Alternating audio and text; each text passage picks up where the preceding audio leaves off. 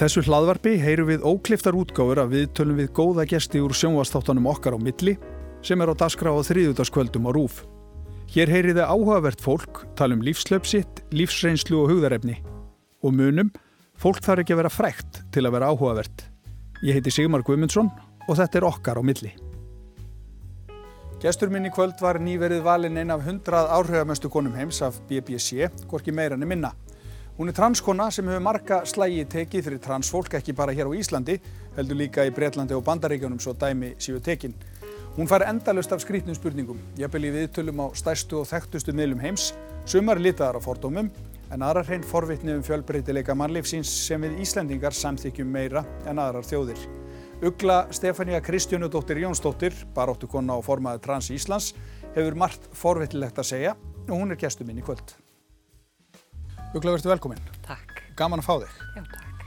Herðu, hérna, við hljótu nú að byrja þessu. Það að vera valinn ein af hundrað áhrifamestu konum heims Já. á árunum sem að nú er að líða af ekki ómerkari stofnun en BBC. Þetta er nú eiginlega örglega svolítið svona svo í sletti flatterandi. Já, ég, einmitt þegar ég fekk þessa, þessa samband við mig þá einhvern veginn áttaði ég mig ekki alveg á því hvað þau væri að meina með þessu en svo einhvern veginn þegar það gerist þá var þetta svolítið svona yfirþermöndu og mikill heiður einhvern veginn og ég er eiginlega svolítið ekki alveg búin að átta mig á því ennþá nákvæmlega hvað þetta var en þetta er rosalega merkilegur og stór listu og fullt af flottum konum á listanum þannig að svona komið svolítið óverum að vissu leita einhvern veginn að vera á listanum en samt rosa einhvern veginn mikil viðurkenning kannski fyrir svona það sem ég hef verið að gera og, og standa í. Já, það er eftir því tekið hvað þú ert að gera, það Já. er náttúrulega ástæðan fyrir því að þú ert þarna. Þannig að það er alltaf gott að vita að fólk er að taka eftir því og það er að hafa einhver áhrif. Sko. Já, já, og hvernig, hvernig er það raukstutt að þú ert og átt að vera á þessu lista? Já, það er náttúrulega bara út af uh, þegar ég sem sagt baráttu sem að ég hef verið að heia í, í mannrættindum þá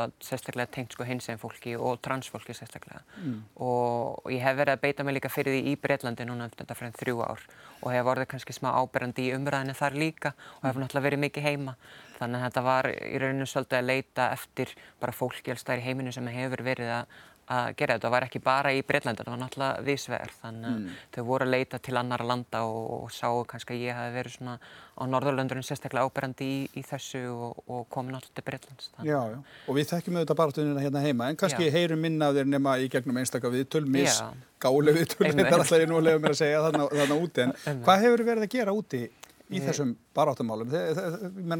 Þessi mál eru annar staðar stödd í Breitlandi heldur en hérna heima. Já, ég hef semst uh, kannski verið að nota aðra leiðir í Breitlandi sem ég hef ekki nota mikið hér og ég hef verið meira í sko í kvikmyndaframleðslu í Breitlandi þar sem við erum að framleiða stuttmyndir um transfólk til þess að vekja aðtikli á málefnum transfólks. Og það er kannski svona helsta sem ég hef verið þekkt fyrir í Breitlandi fyrir að beita mér fyrir og hef verið að nota stuttmyndir til þess að einhvern veginn vekja aðtikli á alls konar málefnum. Á sama hátt kannski ég hef verið að gera á Íslandi en ég nota kannski bara aðra leiðir til þess. Og ástæðan fyrir því er kannski að því að Breitland er ekki alveg á sama stað og Ísland.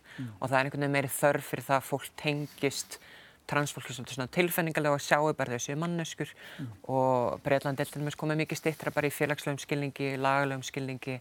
Og fjölmjölar í Breitland eru þekktir fyrir að vera rosa herskáir, rosa erfiðir. Þannig að það er svona svolítið annað landslag veginn heldur en á Íslandi. Já, en uh, þú verður eiginlega, sko, við verðum eiginlega að bakka og, og, og fá söguna alla, ég meina, hvaðan kemur og hver ertu? Já, ég er fættu uppalinn á Sveitabæ í austur húnaðarsíslu sem heitir Stórabúrfell og hérna fór í lítinn sveitaskóla og húnaðallarskóla og fór svo í, á Akureyri í framhaldsskóla þannig ég er bara ættuðu sveit og fóreldrar minn eru með kúabú og, og þannig að það er kannski svolítið svona skrítið að vera að flytta í einhverja stórborg einhverjum í Breitlandi núna en það er svona mikil kontrast sem er búin að eiga þessi stað og hérna, já, en ég einhvern veginn þykir rosa vænt um að vera úr sveitinni og það er einhvern veginn svona hluti af mínu af mínu identity einhvern veginn að vera þú veist sveitamanniska en, hérna, en það kannski eru rosa fáir sem að vita það einhvern veginn þið tala ekki rosa mikið um það þannig Nei, Hérna. þú ert auðvitað svona kannski þekkt, þekkt fyrir annað, en, en þe- þetta er ríkt í þér Já, að vera algjörlega. sveitamanneskja. Já, algjörlega og ég hef alltaf verið rosa mikill hérna, rosa mikill dýravinnur og, og alls konar þannig að það er svona er rosa stert í mér að, að fara heim í sveit og, hérna, og ferðanga reglulega heimsækja fóröldra mína Já, já, þó þannig væri, það lítur Já. að vera besta villur. Emmett Já, já, en hvernig, hv- hvenar veistu það að, að að þér líður ekki vel í því kyni sem að þér eru útlutaður Já, það er svona rosa erfitt að segja kannski eitthvað svona eitt augnablík en það eru svona ákveðnir hlutir sem að svona spiluð inn í og, og urðu til þess einhvern veginn ég áttaði með að ég er náttúrulega með aln upp í sveit rosa lítið að vera að tala um hins sem fólki eða transfólki úr höfu þegar ég er, er yngri. Þannig ég einhvern veginn sá aldrei transfólk í fjölumilum er í viðtölum eða neitt. Vissi valla hvað þetta var. Vissi valla hvað þetta var. Þannig ég einhvern veginn sko hafði ekki orðaforðan til að útskýra nákvæmlega hvernig mér leiði eða hvað var í gangi og ég einhvern veginn vissi rosa lítið hvernig ég átt að útskýra eða nákvæmlega hvernig mér leiði. Þannig að þegar ég var í, í grunnskóla og, og byrjaði á kynþorsko þá einhvern veginn byrjaði einhverja pælingar að mér einhvern veginn bara leiði ekki vel og það einhvern veginn var eitthvað sem var ekki alveg að passa. Og ég hafði samt einhvern veginn enginn tök á því að útskýra hvers vegna. Þannig að ég einhvern veginn held bara áfram í gegnum mínu grunnskólagöngu og, og fór svo í framhaldsskóla.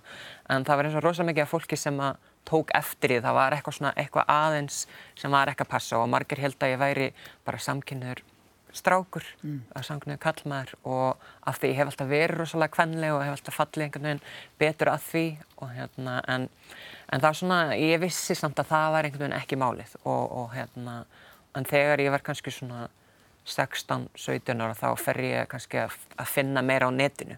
Og þá er konar meira svona upplýsingar á netið. Mm. og þá fer ég, fer ég svona aðeins að kveikja að veist, þetta getur verið og fer að skoða viðtöl við fleira transfólk. Og þá einhvern veginn byrja boltinn svolítið að rulla og, og ég ákveð svona að fara að tala um þetta við svona nánustu vini. Og þegar ég er um átjónar aldur þá segi ég vinum og, og fóröldrum frá því að þetta sé eitthvað sem ég sé að upplifa.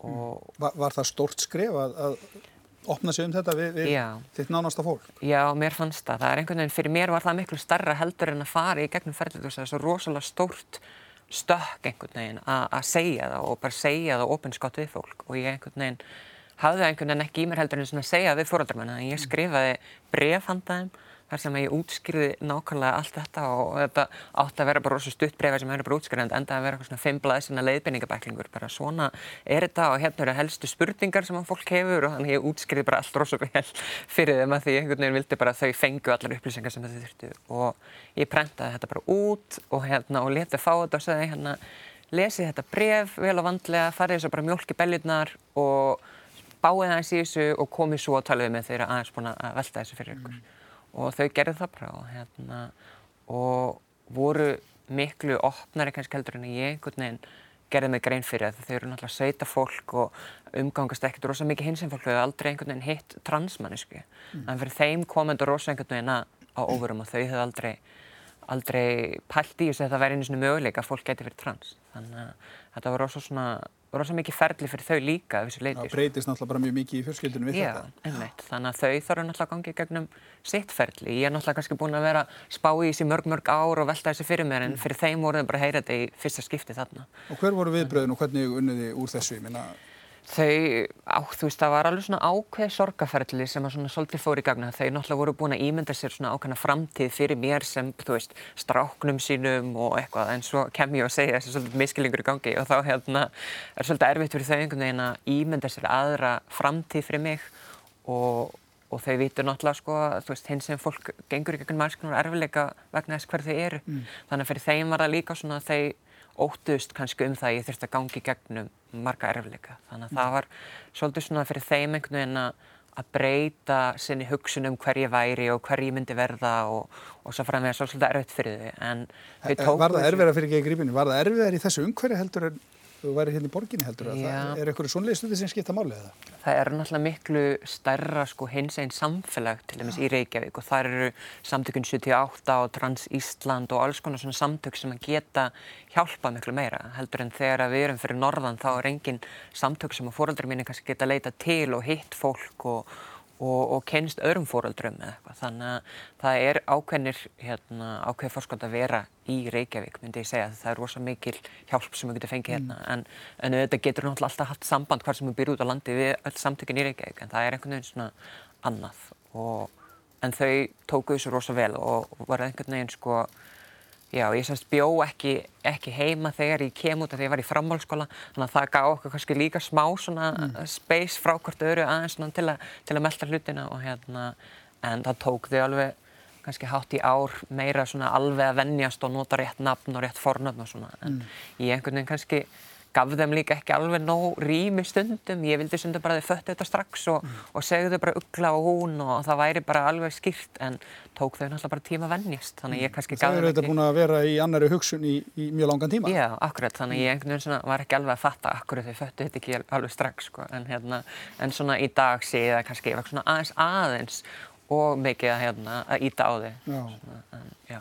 En skólagangan og alltaf, það gekk bara allt saman mjög vel og allir skilinsíkir og, og, opinn með þetta alltaf tíð og alltaf. Já, mér er svona alltaf gengið rosalega vel í skóla og, hérna, og var í uh, verkmyndsskólanum Akureyri þegar ég kem út og á þessum tíma þegar ég kem út þá byrja ég líka í nefndaráði í skólanum. Þannig að ég var strax rosalega sínileg í skólanum, ekki bara sem transmanniski heldur líka einhvern veginn í nefndaráði og það einhvern veginn sko hjálpaði mér einhvern veginn að vissuleita að fólk sá svolítið bara að ég var örug með hver ég var, ég var ekkert að fela neitt, það var ekkert eitthvað, já þetta var engin felaugur, ég var alls ekkert að, hérna, alls ekkert feiminn við spurningar eða að tala eða segja hver ég væri þannig að það einhvern veginn hjálpaði mér í þessu leiti og ég hafði líka rosalega góðan stuðning frá námslagjöfum og starfsfólki í skólanum sem að hérna, tók bara rosalega vel á þessu þannig að Já. ég var rosalega heppin hvað það var þess. Mm. Og hvernig gerist það síðan að þú svona bara verður allt ínu hvað þú segja talskona fyrir þetta og verður bara baróttum manneskja, þú ferði í mannrættita baróttu það, það gera það auðvitað ekkert alltaf það gera það ekkert bara eitthvað 1, 2, 3 ég planaði ekki að fara út í það að vera einhversra mannrættita baróttu, ég hugsa alltaf bara ég myndi bara gangi ekki með ferli og það er bara eitthvað svona mitt og ég myndi ekkert vera að tala um það eitthvað ofinbarlega en svo var mér bóðið í viðtal uh, hjá hinsendum í tímarættinu hjá þeim og fór í viðtal þanga og þannig einhvern veginn byrjaði allt í einu boltin að rulla og þá voru fleiri sem vildi fá mig einhvers konar viðtölu og einhvern veginn svona áttaði mig á því hvaða var í rauninni mikil þörf á því að tala um þetta á Íslandi. Og ég kannski hafði líka svolítið áttaði maður þegar ég var einhvern veginn svona stíga mín fyrstu skref að það var enginn sem ég gæti tala við, það var enginn sem að gæti einhvern veginn hjálpa mér almenlega og það var rosa lítill fröðlugur sko, ekki bara innan mín vinahóps eða, hann fjölskyld líka bara innan sko heilbriðskerfisins og það voru bara einhverjum svona örfóður einstaklingar sem að vissu eitthvað eða gáttu hjálpa þannig ég einhvern veginn hafði upplifað marga veggi einhvern veginn en ég vissi ekki hvert ég átt að fara eða hvert ég átt að leita. Mm. þannig ég einhvern veginn bara ákvaða ég vildi ekki að annað fólk þyrti að endalust að gangi gegnum það sama. Þannig að það einhvern veginn varð bara úr því að ég varð allt í norðan einhvern talsmannisku og var að fara í viðtöl og, og svo hérna byrjaði ég stuðningshóp fyrir norðan þar sem ég var ágrið fyrir hins eginn fólk. Mm. og, og hérna þannig að það er svona ýmislegt einhvern veginn sem bara svolítið gerðist einhvern veginn, það var aldrei planið Þetta er auðvitað svolítið svona skrítið til þess að hugsa fyrir flesta, ég meina mm. ég er kallmaður á mínum aldrei, ég þarf aldrei að svara fyrir það akkur ég er eins og ég er eða annað, en þú ert bara alltaf í þessu, alla daga einhvern veginn að þurfa að útskýra sjálfa þig, -hmm. berjast gegn einhverjum fordómum og annað, þetta er Það er auðvitað svolítið skrítið. Já, þetta er líka svolítið, svolítið svona, maður verður pínu stundum þreytt einhvern veginn, maður er svona ægið, þú veist, manni finnst maður stundum ekki verið að komin jafn langt og ég vildi að maður væri komin, því ég er náttúrulega búin að vera, um eitt, ég er svo núna, ég hátt í tíu ára og útskýra alltaf að útskýra sjálfa? Ég er alltaf að útskýra bókstallega nákvæmlega hver ég er og, hérna, og af hverju ég er svona Já. og þú veist, einhvern veginn að það er einhvern veginn, fólk einhvern veginn áttar ekki á því að fólk er bara eins og það er og við þurfum bara einhvern veginn að að samþykja það hvort sem að við skiljum það 100% eða ekki. Þetta snýstur hérna ekkert endilega um það að þú getur 100% í mín spór. Mm. Heldur bara að fólk virði það að svona er ég og ég veit það best hver ég er mm. og það er ekkert flóknan en það. Nei, við hinn hefum ekkert að skipta okkur á því. Nei, þú veist að rauninni kemur rauninni engum við. Nei, en ég finnst svona ágætt að nálgast þessu umröðu bara pínlítið út frá þessum viðtölum sem við höfum verið í mörgum mm. hverjum úti vegna þess að þau eru Þau eru á marganhátt oft svolítið afhjúbandi. Mm -hmm. e, mér langar svolítið að rifja upp viðtal sem þú varst í, í Breitlandi í morgun þætti, hjá Piers Morgan, mm -hmm. þekktur sjónvarsmaður. Þetta er ísastór þáttur. Mm -hmm. Hann talaði sennilega í 75% tímanum. Þú réttnaður að skjóta inn einu og einu orði og, og þetta snýrist allt einhvern veginn um það úr því að þú er svona, get ég þá verið svört kona. Það, hann var alltaf að búa til eitthvað svona hlutverk. Þetta var rosa mikið einhver svona, sko, hann hann var svolítið að reyna stuða og hann einhvern veginn kom bara með einhverja svona sko hugmyndafræðilegar spurningar. Þú veist, hann einhvern veginn áttast ekki á því að þú veist ég er bara eins og ég er og hann að segja ef þú allar að vera svona þá get ég bara verið svart kona þetta er ekki, þetta er bara samhengislaust. Þú getur ekki bara einhvern veginn ákveð allt í einu að þú ætlar að vera svona. Þetta snýst náttúrulega bara um hverðu ert og, og hvernig þú upplifið þig og það vita allir að Pírs Morgan upplifið sig ekki sem svarta konu. Eða, veist, það er ekki, þetta er svo fáranlegar einhvern veginn. En, en þetta er rosalega afhjúbandi? Já, þetta er mjög afhjúbandi einhvern veginn fyrir sko kannski hugsunarhátt fólks og fólk einhvern veginn hvað hvað er stutt í þetta einmitt, að fólk einhvern veginn sko dragið það svo mikið í efa hverðu ert og hendi fram einhverju svona og segi bara já þú veist þetta er bara eitthvað svona flip mm. og, hérna, og þetta viðtal var rosa afhjúbandi bara fyrir hugmyndir fólks um transfólk finnst mér, sérstaklega í Breitlandi að því að Breitland er kannski ekki komið alveg að blant í svona félagsleiri viðkenningu myndi ég segja eins á Íslandi mm. og ég myndi aldrei upplifa svona viðtal á Íslandi Nei. og þegar einhvern veginn, þú veist, á Íslandi hafði ég alltaf bara farið í rosalega góð viðtöl, fólk rosalega áhuga samt, fólk vildi vita og þegar ég kom til Breitland þá áttaði mig á því að fjölmjölar eru allt, allt öruvísi. Það eru miklu grimmar auðvitað og, og bara önnur við þóri gangi. Já og það einhvern veginn standa í því jafnvel sko bara að segja alls konar hluti burt sér frá því hvort það sé einhver raukstskunningur þar á bakvið bara til þess að stuða og til þess að fá fólk einhvern veginn til þess að komast í einhverja stellingar og byrja að rýfast og þú veist að því að það fara náttúrulega miklu fyrir áhorf eða fólk er eitthvað að rýfast eða öskra okkur taðan í sjórfinu og það snýst svolítið bara um það. Já, þannig ég þurfti einhvern veginn að aðlaga svolítið svona hvernig ég nálgast viðtöl í mm -hmm. Breitlandi en Þú vorstu auðvitað pollróli í þessu viðtali en, en er þetta hérna Er þetta samtal sem að þú ert að eiga bara í daglega lífinu líka við Já, fólk, algjörlega. nákvæmlega svona samtöl eitthvað? Algjörlega og, og kannski meira á samfélagsmiðlum, frekar en kannski eitthvað svona, svona stuðandi samtöl í personu sko en ég hef alveg lendið því þegar ég er að tala í pallborðum á einhverjum viðtölum eða ég var talað með þessi pallborði í tengslum við BBC tilhendingun og það var pallborð þar sem mm. ég var að taka þátt í og þá fekk ég alveg svona spurninga bara úr sál. Mm. Þannig að maður er að díla við þetta bara einhvern veginn á hverjum degi, sér þetta samfélagsmjölum endalust. Ég kannski setja eitthvað tíst á Twitter um einhverja grein sem ég skrifaði og þá komum bara, þú veist, alls konar komment mm. og alls konar ljót komment og jafnvel sko komment um bara mitt útlit og hver ég er og deildar einhverja svona ljótar myndir af mér sem að fólk finnst vera ljót á og það er eitthvað svona nota sem eitthvað svona mm. til að reyna að láta mig líða illa eða eitthvað og hérna og rosalega skrítin einhvern veginn þessi umræða og hún er mikið meira ábærandi í Breitlandi eftir að ég flutti til Breitlands. Það eru fólk einhvern veginn farið að sko draga allt í efa og þú veist segja, þú veist ég sé bara kallmaður út af því ég líti svona út af þessari mynd og, og þú veist alls konar hluti. Eitthvað svona vittlisa bara. Já, alls konar, alls konar rugg. Sko. En nærðu sko að því að ég ímynda mér það að þú standir framið fyrir því að fá yfir þig alls konar spurningar sem er auðvitað bara fordómafullar og akkvæmt fólki sem vil hafa heiminn svo einfaldan að það eru bara tvö kinn og ekkit meira. En síðan eru örgulega margir sem eru ekki fordómafullir en geta kannski verið taktlausir mm -hmm.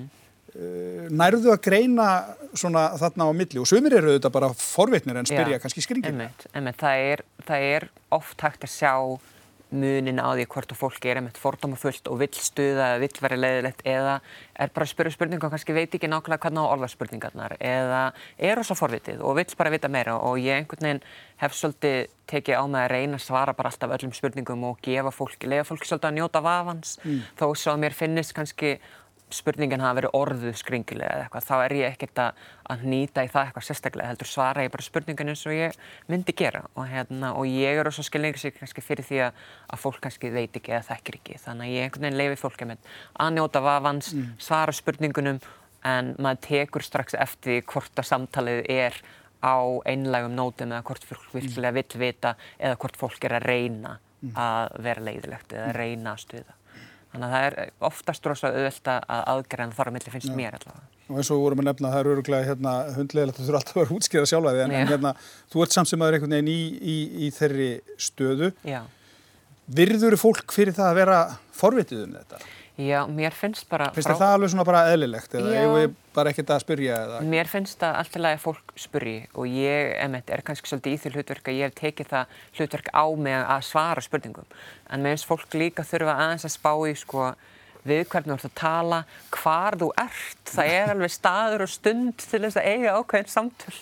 Þannig að ég hef alveg lendið því bara í græmitstildin í bónus að einhver hefur bara komið og vilja spyrja mig hvort ég sé búin að fara í kynleirindingraðgerð og það er kannski ekki staðurinn stundin til að segja fólki að ég sé búin að fara í kynfaraði ekki, bara ég ætla að tegja mig hérna í paprikuna og svolítið að segja það frá kynfarinu mínum. Þannig að þetta er svona að fólk þarf aðeins að, hérna, að vita hvað það er og við hvernig það er að tala. Það er ekkert allt transfólk heldur sem að er tilbúið að svara spurningum. Eða finnst það óþægilegt og líður illa að svara einhverjum svona persónulegum spurningum. Þetta er rosa prívat. Að, jú, og þannig að fólk svona þarf að kannski ekki taka þetta samtal klokkan 2 á nótt og lögða svona það einhverju partíi, þannig að fólk þarf svona aðeins að, leifa fólki svolítið að, hérna, að, já, að bara vera það sjálft einhvern veginn. Og en það er líka bara góð, hérna, gott ráð að spurja bara má ég spurja þig út í transmálefni eða má ég spurja þig út í ferlið eða eitthvað? Og þá mm. getur fólk bara sagt já eða nei mm. og þá veit fólk hvort það getur haldið áfram að spyrja það ekki þannig að mm. það er einhvern veginn svona en fyrir mér hef ég fengið allar spurningar og, og fæ all, alls konar spurningar reglulega þannig ég er ekki drosa viðkvæm fyrir spurningum persónulega. Nei, en hérna, en þegar þú ferði í svona eins og ég nefndi, það er, það er, það er áhugavert að skoða þetta út frá mörgum viðtölu sem þú ferði í, menn þú ferði í viðtal Fox stöðin í bandaríkjónu sem yeah. er auðvitað gríðarlega íhaldsum yeah. og það er talað svona misákvæft auðvitað en stundum mjög ákvæft fyrir svona ákveðnum þröngum kristilegum gildum Já. sem við þekkjum úr bandaríkjónum og það eru oft mál rétt sem að kannski ná ekki máli hér. Meina, hvernig til dæmis var að fara þangað? Já, þetta var mjög skrítir lífsreynsla því ég var einmitt í bandaríkjunum þegar ég fæ þess að hérna, fyrirspurn og þá vildu þau bara hafa eitthvað svona skæpið tala við mig mm. að því að þau voru búin að lesa, sest, ég skrifaði dálk í The Metro í, í Breitlandi mm. og þau sest, voru búin að lesa dálk þess að ég skrifaði um svona, svona kynjavislur þar sem að fólk er að, þú veist, bakar einhvers konar köku og sker í kökuna og þá er hann gott bleikt eða blátt kremin í kökun eftir hvort það verður stelp eða strákur mm. sem að mér finnst rosa eitthvað svona stereotypist og hallarslegt. Já, hérna, það svona rýmar ekki alveg við þá heimsmynd sem nei, þú ert einmitt að benda á. einmitt, og, og mér finnst þetta, einmitt, það finnst þetta rosa eitthvað svona spila inn í einhvers svona kynhlutverk og stelpur og strákar séu svona á hins einn og, og eitthvað og hérna, og þau sérst vildi fá mig í viðtal til að ræða um þessar kynjaveislur og þegar ég fekk þessa fyrirspjöldu þá hugsaði ég bara Fox News, bara, ég er bara að fara inn í eitthvað umhverfi sem að þú veist er bara ekki örugt fyrir manneska eins og mig. Og þú veist þau munum náttúrulega bara auðvitað reyna að, hérna, að stuða mig að reyna að gera lítið úr mér eða mínum hugmyndum. Og ég einhvern veginn svona vissi svolítið hvað ég var að, að fara að ganga úti þannig ég einhvern veginn var svolítið undirbúin bara undir allt. Og hérna en hann einhvern veginn svona, semst kennirinn, þessi Jesse Waters, hann hérna reyndi eitthvað svona að spyrja hvort ég vildi bara banna kynjaverslur. Og ég bara, nei, þú veist, ég hef ekkert eitthvað, eitthvað vald til að banna einhverjar verslur, þetta snýst ekkert um það, þannig ég einhvern veginn svona var bara að reyna að vekja aðtökluð að mér finnst þetta persónulega svolítið hallaríslegt mm. og mér finnst þetta bara að spila inn í kynlutverk og mér finnst kynlutverk bara svo úrreld í nútíma samfélagi og hann einhvern veginn svona vildi alltaf fá mig til að vera meira dramatískari, einhver svona öfgatýpu og hann einhvern veginn vildi þá fá einhvers konar svona rifrildi mm. það er rosa vinstalt á Fox einhvern veginn að fólk sé að rýfast en ég einhvern veginn fór aldrei á það plan þannig að ég einhvern veginn svolítið svona afvopnaðan að vissu leiti þannig. þannig og það er einhvern veginn svolítið það sem ég hef reynd að gera einmitt í Pírs Morgan viðtælunu og í fleirum viðtælum er einhvern veginn svona að reyna bara að halda róminni og, og reyna einhvern veginn ekki að fara á sama level að vera þessi típa sem er að fara að segja að ég er banna þetta eða þetta sé ekki nóg gott og þú veist, einhvern veginn bara svona nálgast þetta á aðeins öru sér hátt að því að um leið og þú ert á því plani þá er fólk að sjá veist, hver er það sem er í raunveru að, mm. hérna, að fara með rámtmál eða, eða reyna fangt að rífast. Þannig að fólk tekur það svo mikið eftir því Já. og þetta viðtal fekk rosalega góður viðtöku, bæði viðtalin vegna þess að ég einhvern veginn fór ekki á þetta plan og, hérna, og það er rosalega mikilvægt einhvern veginn fyrir fólk að einhvern veginn vera ekki leitt út í þetta og í Breitlandi er þetta mikil umræða meðal sko mannrettindahópa og alls konar hópa sem er að berjast fyrir mannrettindum með eitthvað að, að detta ekki á þetta plan. Já, já. En þegar þú oft, einmitt, að því við erum að nefna, nefna Fox og þetta svona, þetta, þetta þessa eh, kristilegu þætti og þessa trúarlegu þætti, já. það hlýtur að vera svolítið erfitt að, mm -hmm. að eiga við það því að það er fólk með einhverjum svona trúarsamfæringu um það að þú og þitt mm -hmm. bara eigi ekki að tilhera. Nei, einmitt, og stundum Það er erfitt að raukraða það, er Já, ekki? jú, algjörlega og stundum verður maður bara áttast á því að það er ekki hægt að raukraða ákveðan hluti við fólk sem maður bara vill ekki hlusta. Mm. Þannig að maður þarf einhvern veginn svolítið svona að velja baratuna líka að því að maður er aldrei að fara að samfara einhvern sem er bara gjörsamlega samfærir um það að ég sé kallmaður og þú getur ekki farið í kynleiritingu og það sé bara ekki til og, og svo, veist, ég er aldrei að fara að eiga málefnalega samræður við þannig fólk. Þannig að maður einhvern veginn þarf að svolítið að átt að segja því að hérna, sund fólk mun bara aldrei samþykja ákveðna hluti. Þú þarf bara að velja slægina, það er bara þannig sem að það er. Og reyna að hafa áhrif á það fólk sem er tilbúið að hlusta. Já. Að því að maður getur eitt enda lausum tíma í það að reyna að rökraða við einhverju mannesku, sérstaklega á samfélagsmiðlum, en það er bara gjörsamlega tilgangslust. Mm -hmm. En þú nefndir að hérna áðan í upphafi að, að við, og ég held að flesti séum samfélum það að Íslendingar kannski fagna fjölbreytileikanum meira og betur heldur en flestar aðra þjóðir mm. og, og, og að flestum þykir nú mjög væntum þá, þá staðreind. Mm -hmm. Hvað er það hér? Er það, er það návíð eins og þú nefndir hérna rétt áðan? Mm, það er meiri fjarlæg á þessa hluti í starri samfélag? Já, ég held að einmitt, vegna þess að við séum miklu færri þá eru miklu fleiri sem að þekkja einhvern sem er trans eða er samkynniður eða er tvíkynniður eða fólk einhvern veginn svona, þetta er nær fólki mm. af því að þegar þú býrði í samfélagins að í Breitlanda sem er 66 miljónum manns þá er mjög erfiðar að fyrir einhvern veginn að umgangast fjölbreytta hópa fólks ef þú ert bara í ákvæmnu samfélagum og Ísland er sömulegis kannski að vissuleiti ekki jafn stráng trúað og mörg lönd og trú oft hefur spilar og svo stert þarna inni. Og trú hefur oft verið nótuð sem einhvers konar afsökun fyrir fordómum og trú í sjálf sér ættir náttúrulega ekkert að vera eitthvað, fyrir, eitthvað tól til þess. Nei, eiginlega, Þannig, það, það er innbytt í trúna, hún gefur svo út fyrir að vera annað. Já, emmeit. Ef við leytar það ekki, við berum lind og, og fallegu. Og... Emmeit, þannig að það er svona ákveðin ræstn alltaf þarna í gangengnum en á Íslandi sem betur fyrir einhvern veginn sko eh, allavega nútildags held ég að þessi strángtrú sé ekki en eins og bara Við höfum séð í, í þáttunum svona fólk sem mm. að voru núna nýlega þá hefur kirkjan oft líka á Íslandi staði í vegi fyrir baráttu hinsegin fólks mm. þannig að hún er ekkert eitthvað hérna, undan þegin á Íslandi en sem betur fyrir held ég að það hef aldrei ekki allavega nútildags sér svona stráng trúað eins og kannski í Breitlandi eða í mörgum löndu þar sem er kannski sterkari kathólk trú líka. Já. Þannig að við höfum svolítið verið heppin, heppnari með það mm. held ég.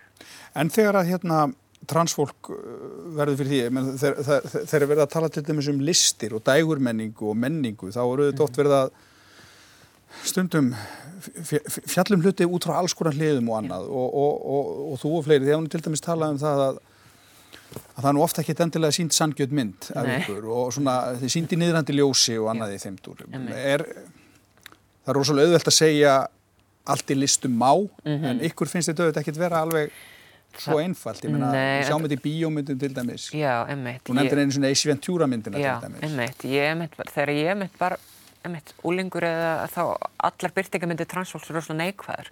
Það var alltaf ekki að grína transfólki, það var ógeðslegt, uh, það var einhvern veginn niðrandi, gert lítið úr því og það var einhvern veginn, ef að þú elst uppi þá heimsmynd að þessi endalist verið eitthvað grín að þér eða hver þú ert eða það sé ógeðslegt að vera trans eða hvað sem það er þá tekur þú þá náttúrulega væntalega inn á þig og, og það byggir einhverjum svona skömm varandi hver þú ert. Þannig að þegar ég var að, var að koma til skápnum þá var rosalega mikil skömm vegna þess að ég vildi ekki vera trans vegna þess að það var svo rosalega neikvægt og fólk leitt svo rosalega niður á það og fólk einhvern veginn, já, ég einhvern veginn uppliði bara það að ég geti aldrei uppliðið að það einhver myndi elska mig vegna þess að ég væri trans. Mm. Það er bara algjörlega einhverju svoleiðis leveli sem maður uppliði bara, ég er trans og það minn enginn einhvern veginn samþykja það í rauninni og hérna þannig að þegar að listafólk er að gera leikrit eða myndir eða hvað sem það er þá þarf það svolítið að, túna inn í þetta einhvern veginn og svolítið að átta sig á landslæginu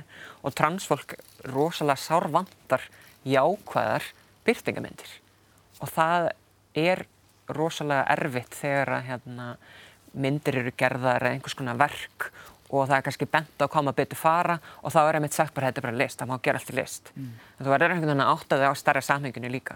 Þú verður einhvern veginn að átta þig á því hvenar þú ert að fara að gera eitthvað á kostnað fólks. Mm.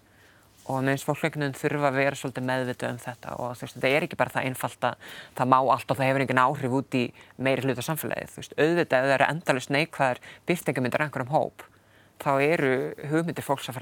eru.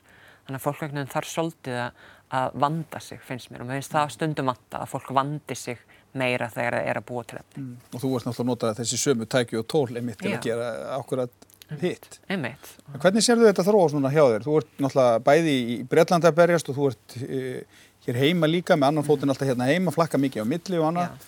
Allt annað að vera transir á Íslandi heldur en í Breitlandi, ekki sé tala um á mörgum öðrum stöðum. Hvernig sér þú hlutin að þróast hjá þér núna á, á, á næstunni? Alltaf að halda áfram þessari baráttu eða? Já, það er alltaf svona planið eins og hér. Ég er allavega ekkert planum að hætta í, í bíli en hérna, en við erum kannski svona, við erum búin að vera framlega mikið að sko heimildamyndum mm. en núna langar okkur meira að fara sko út í leiknarmyndir þar sem að þú getur einhvern veginn sko nálgast þessi málefni út frá öðru sjónarhafni og, og það hefur verið svolítið þekkt sko þegar að það hefur verið að reyna að vekja aðtekli á einhverju málefnum það hafa leiknarmyndir oft haft rosa mikil áhrif. Og við hefum séð þetta kannski sérstaklega með samkynnægt og tíkynnett mm. fólk að það hafa verið rosalega góðar myndir sem hafa syngt í ákvæðar myndir og það hefur fengið einhvern veginn fólk til þess að tengja við hins sem fólk almennt. Þannig að við erum svona svolítið að, að færa okkur aðeins út í leiknar myndir til að fá fólk bara svona tengjast transfólk á tilfinningalegu lefili að það er einhvern veginn svona, fólk heldur bara að transfólk sé einhvers svona hópur sem er bara svolítið afskektur og þú þurfur ekkert að eiga samskipti við þig og áttur sér ekkert á því að transfólk er bara allstaðar, það gæti verið í fjölskyldinni, gæti verið afgreðið út í búð, þú veist, fólk er bara allstaðar mm. og hérna hann að við einhvern veginn svona, okkur langar svolítið að sína þessa mannlegu mynd líka af transfólki, þannig að það er kannski svolítið svona það sem ég mun vera innblýna á og svo náttúrulega bara áframhaldandi þessi lagalega barata og allt það sem ég hef verið að standi í. Já, já. Skilur það stundum að fólk verði pínu ringlað Já. þegar að kerfin er að breyta svona hjá okkur. Þetta, sko, kyn er náttúrulega eitt einhvern veginn stærsta og, og sko rótgrónasta kerfi í okkur samfélagi. Þannig að mér finnst ekki skrítið að fólk upplifi einhvern veginn sko ringulreið að finnist þetta svolítið erfitt að kingja eða skilja vegna þess að þetta er svo rótgróð í okkur. En hérna en stundum þarf maður bara aðeins að hristu upp í hlutur og fólk þarf bara svona aðeins að líði pínu óþægilega. Það er alltaf lægi að fólki líði pínu óþægilega að því heimurinn er ekkert að fara að fara stótt að transfólk fá að vera það sem það er. Þetta, er. þetta er oft þannig að fólk vil vera rétt og hegða sér rétt og spyrja rétt og nota rétt orð og allt þetta en mm -hmm. það stundum er ringlaði í þessu. Já, algjörlega og mér finnst ekki... Það, það var alltaf neitt óðurlegt við það? Nei, ekkert óðurlegt að fólk kannski kunni ekki upp að hára allar orðaskýringar eða öll hugtök eða, mm. eða neitt slíkt og þetta snýst heldur ekkert endilega um það að þú getur verið með orðabóka útskýringuna á því hvað er að vera trans eða þú kunnir... En stundu fær fólk framann í sig að það sé fordómafyllt að því að það... Já, og þú veist, mér persónulega finnst mér það svolítið snúast um uh, vilja og, og hvað fólk er að reyna að fá drif. Ef að fólk er í alvörunni innlagt að spyrja spurninga og er ekki með einhvers konar hérna, undirliggjandi fordóma og er kannski bara að spyrja og segja kannski bara vittlega stór, þá finnst mér það ekkert stór mál Nei. og ég leiðri þetta bara fólk segja bara að þú getur kannski freka að nota þetta. Mm -hmm. Það veri miklu betra. Þannig ég einhvern veginn nálgast það svolítið þannig að lega fólk um þetta, njóta vafans og þó að fólk kunni ekki öll hugtök þá finnst mér það ekki vera aðlatrið endilega. Nei, nei. Þannig að samtalið er alltaf bara best. Já, það er alltaf upp á öndir alls. Gaman að fá þig hingað, Ugla. Takk kærlega fyrir að koma og gangiði vel. Já, takk fyrir mig. Þetta var hlaðvarpið okkar á milli. Óklift útgafa af sjónvastáttunum sem er í loftinu á Rúf á þrýðutaskvöldum og eftir kastljósu og menningu. Ég heiti Sigmar Guimundsson Takk fyrir að hlusta